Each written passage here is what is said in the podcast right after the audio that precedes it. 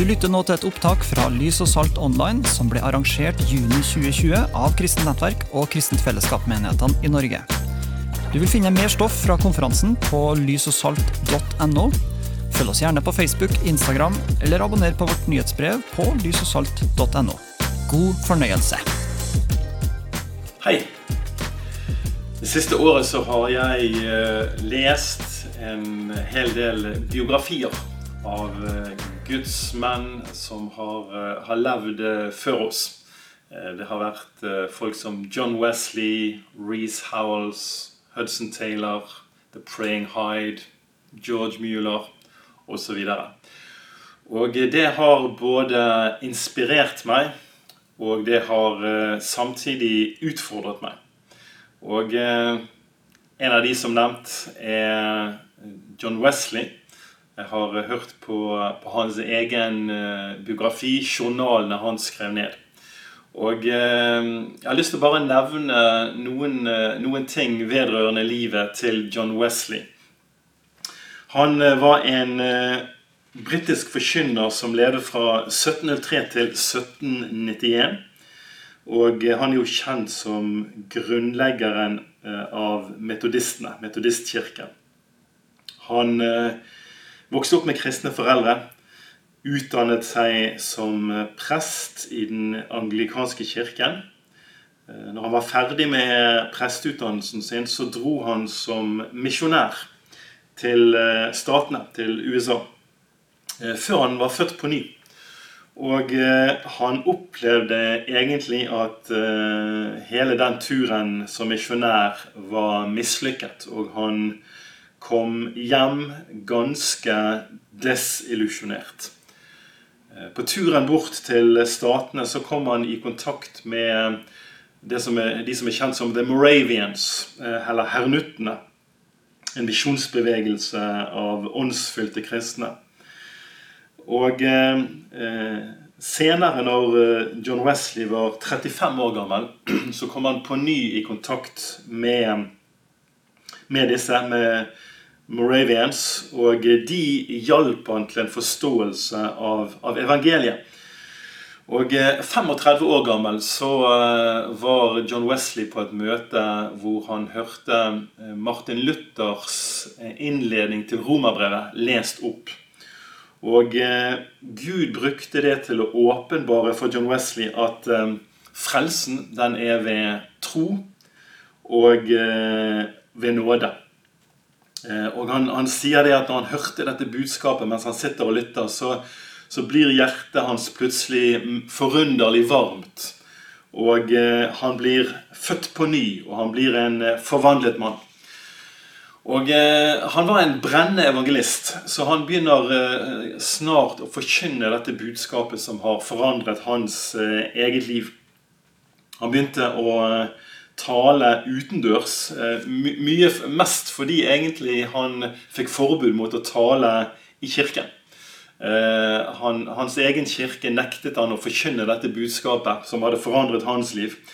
Eh, så han, han begynner å tale utendørs. og samler etter hvert store forsamlinger av mennesker. På, på det meste så sies det at det har vært 20 000-25 000 mennesker samlet utendørs for å høre John Wesley forkynne. Eh, og det er en tid hvor det ikke var noe PA-anlegg. Og eh, eh, store mengder av mennesker eh, blir frelst. Eh, Eh, En av de som forkynte samtidig med John Wesley, het George Whitfield. Han, han var òg en som eh, nådde massene med evangeliet. Og, eh, og England og, og, og Storbritannia ble et forandret, forandret land gjennom deres forkynnelse. Samtidig så møtte han stor motstand fra kirken. Både pga. budskapet, men òg pga. metodene han brukte. Han brukte legforkynnere. Han tillot kvinner å forkynne, som var uhørt på den tiden. Og det var mange autoritetspersoner, både i kirken, men òg borgermestere og, og myndighetspersoner i ulike områder og byer, som rett og slett nektet han adgang til byen. Nektet han adgang til forsamlingslokaler hvor han kunne forkynne Guds ord. Eh, ofte så var det sånn at eh, når John Wesley kom, så, så ble det mobilisert mobber av kriminelle og byens løse fugler. Så i by etter by så møter han disse mobbene på mange hundre personer. Som, som, kommer for å forstyrre møtene, som kommer for å lage kaos, som kommer for å overdøve han.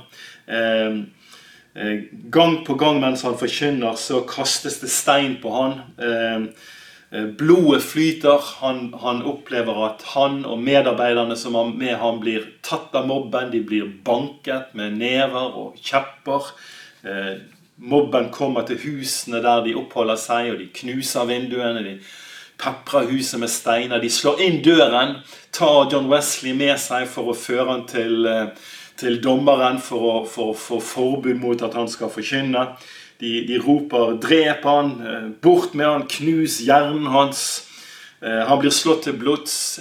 To ganger opplever han at denne mobben prøver å drive stuter, okser, inn i forsamlingen for å ødelegge møtet.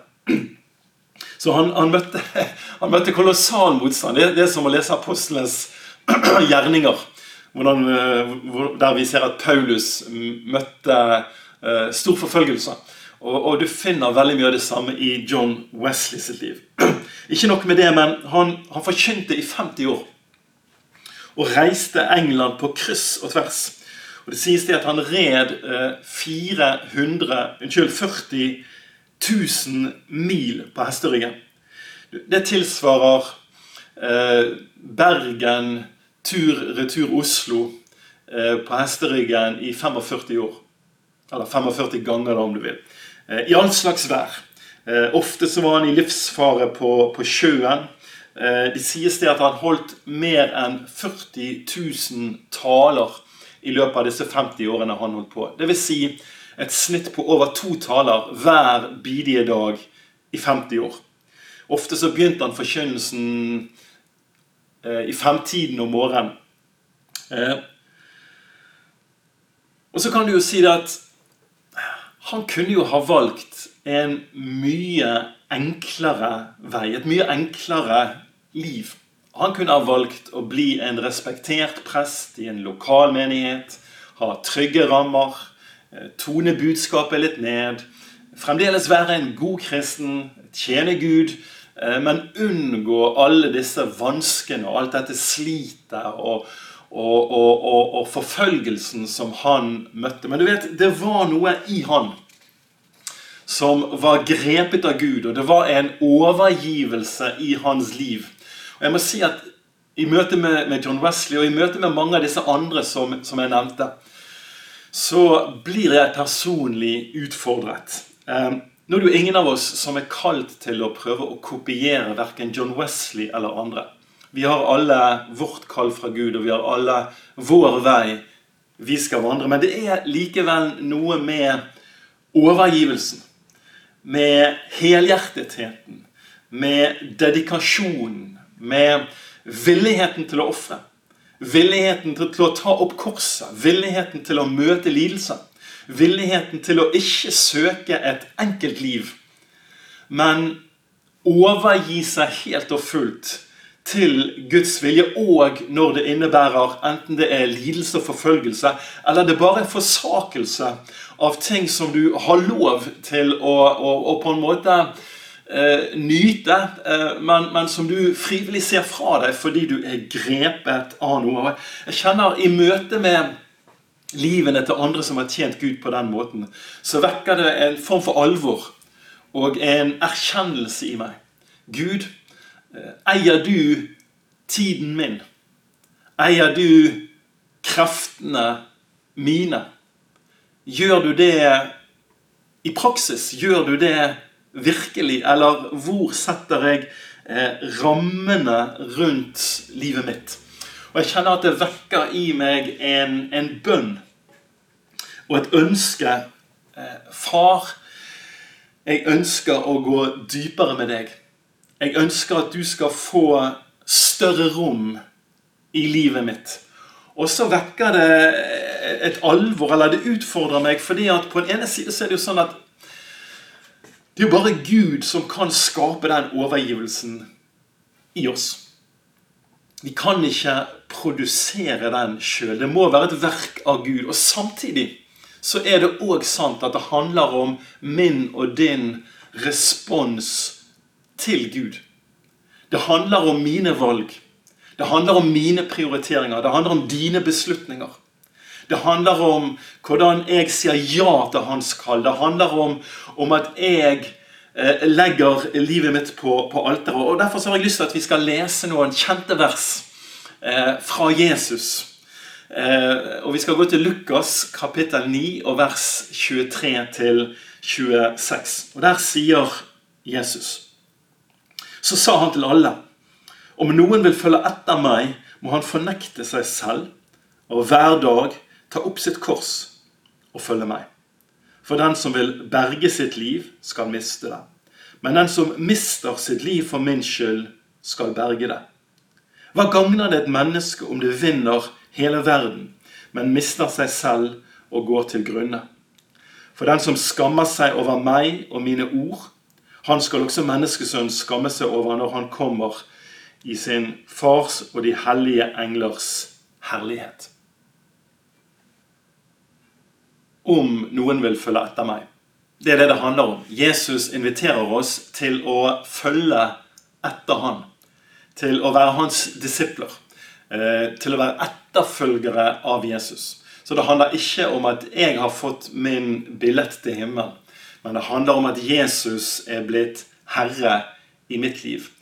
Og I denne etterfølgelsen så sier Jesus at det faktisk kan komme inn en konflikt. Det kan komme inn en hindring. Og den hindringen er faktisk meg og deg. Han sier hvis du vil følge etter meg, så må du fornekte deg sjøl, Per Arne. Du må hver dag ta opp korset ditt, og du må si nei til deg sjøl. Så det er det livet som, som, Jesus eh, inviterer oss til i etterfølgelse. Til å, til å dø. Til å miste vårt liv. Og Da tenker Jesus selvsagt ikke at vi skal miste vårt uh, fysiske liv. Men han, han, snakker om Ordet for liv der er også oversatt med, med sjel, psyke. Det greske ordet. Eh, vår sjel, vårt sjelsliv. Eh, meg. Sant? Jeg vil. Jeg synes at. Jeg liker.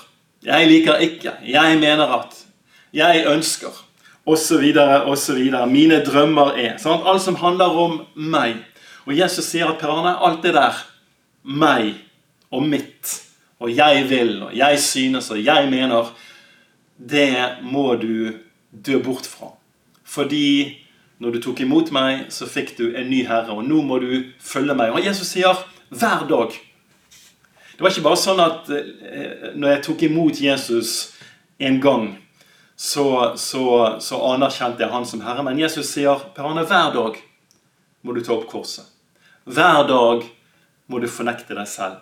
Og Det understreker det faktum at dette livet i etterfølgelse og dette livet i, i selvfornektelse er mer enn en fin filosofisk tanke. Men Jesus faktisk mener at det må, være, det må bli spesifikt. Og det må bli konkret i livet mitt.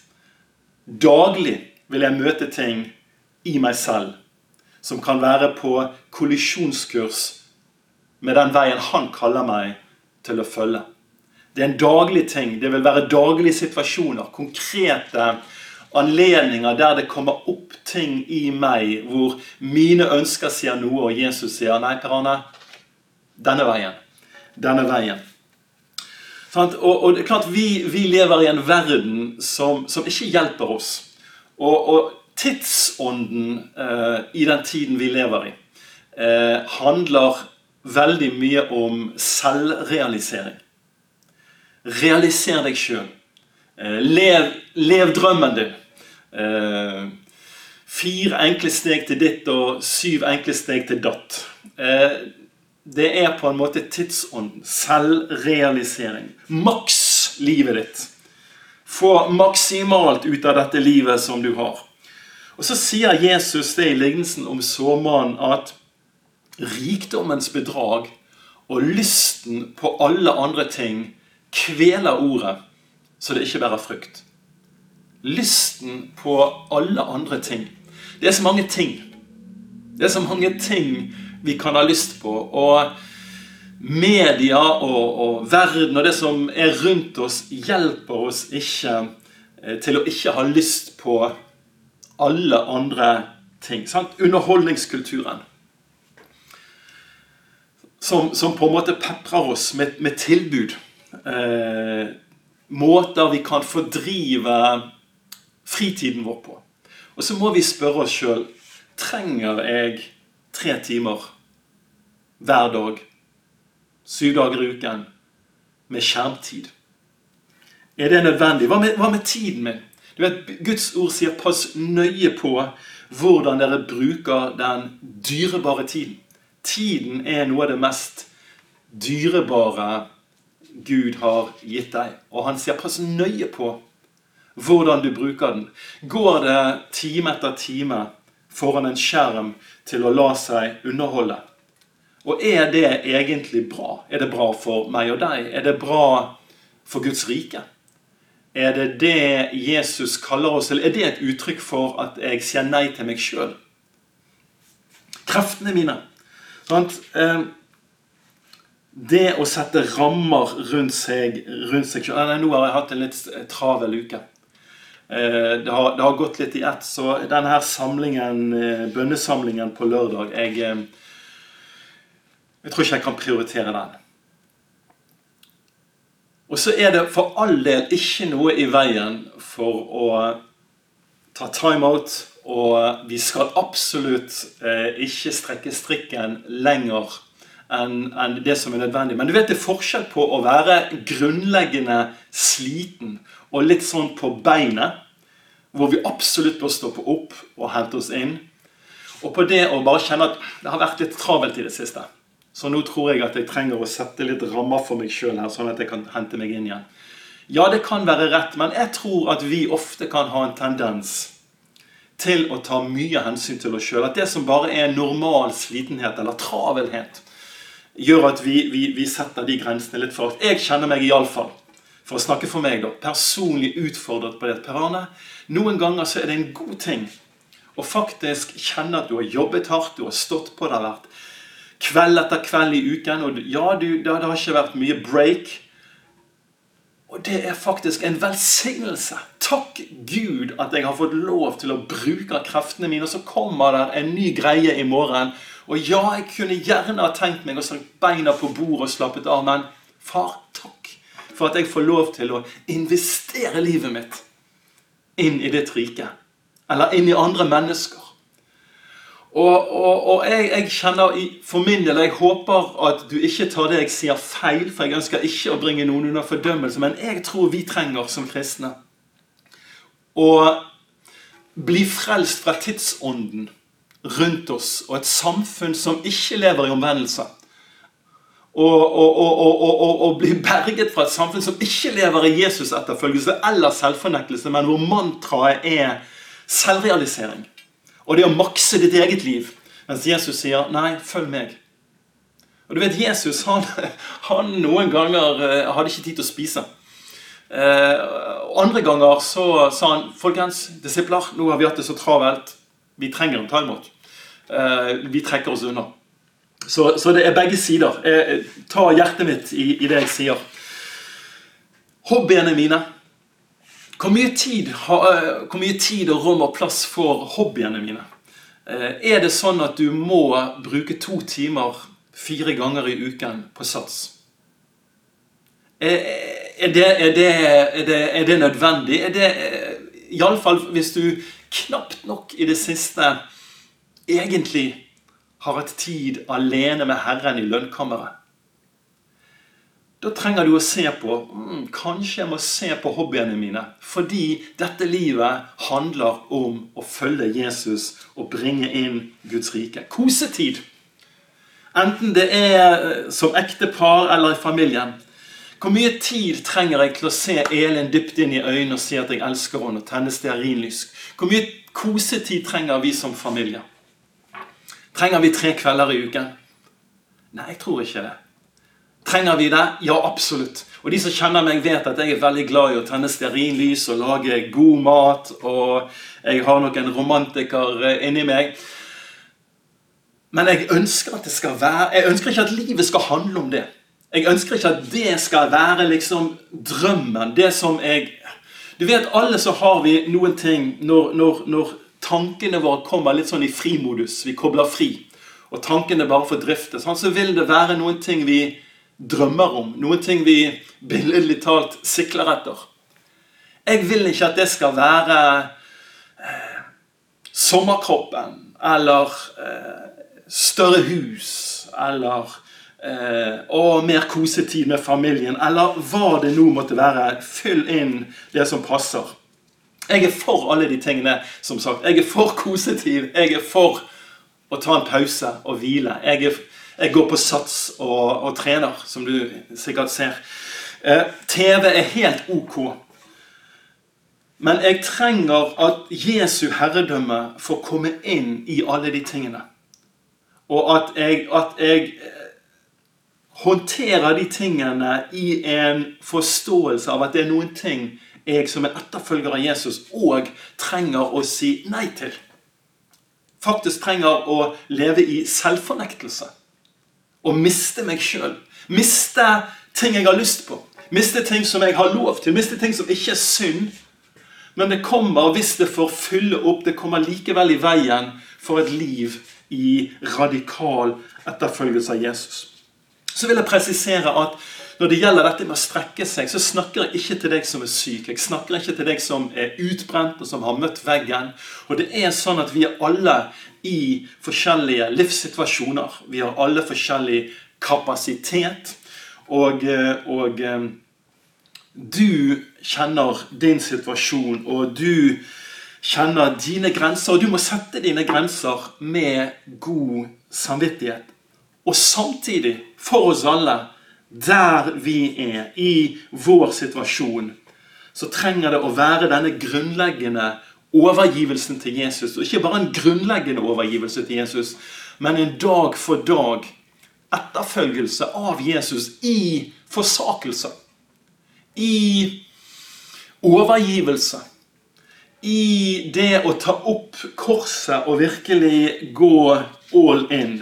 Og så må du avgjøre hvordan det skal se ut i ditt liv. Moren til John Wesley hun var en fantastisk kvinne. Susanna Wesley. Hun fødte 19 barn. Ti de uh, levde opp. På mange måter så var hun en um, alenemor, fordi at mannen han var, han var fraværende mye av tiden.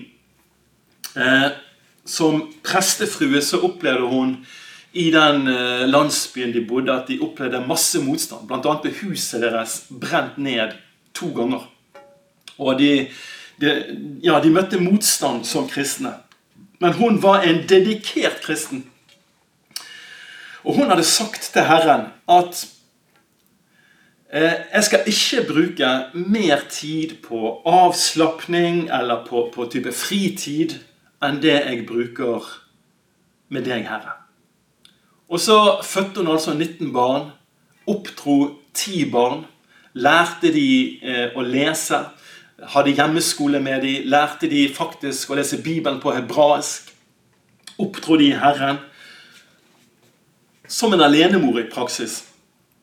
Samtidig så brukte hun ikke mindre enn to timer hver dag med Herren. Enten i bønn eller i, eh, i ordet.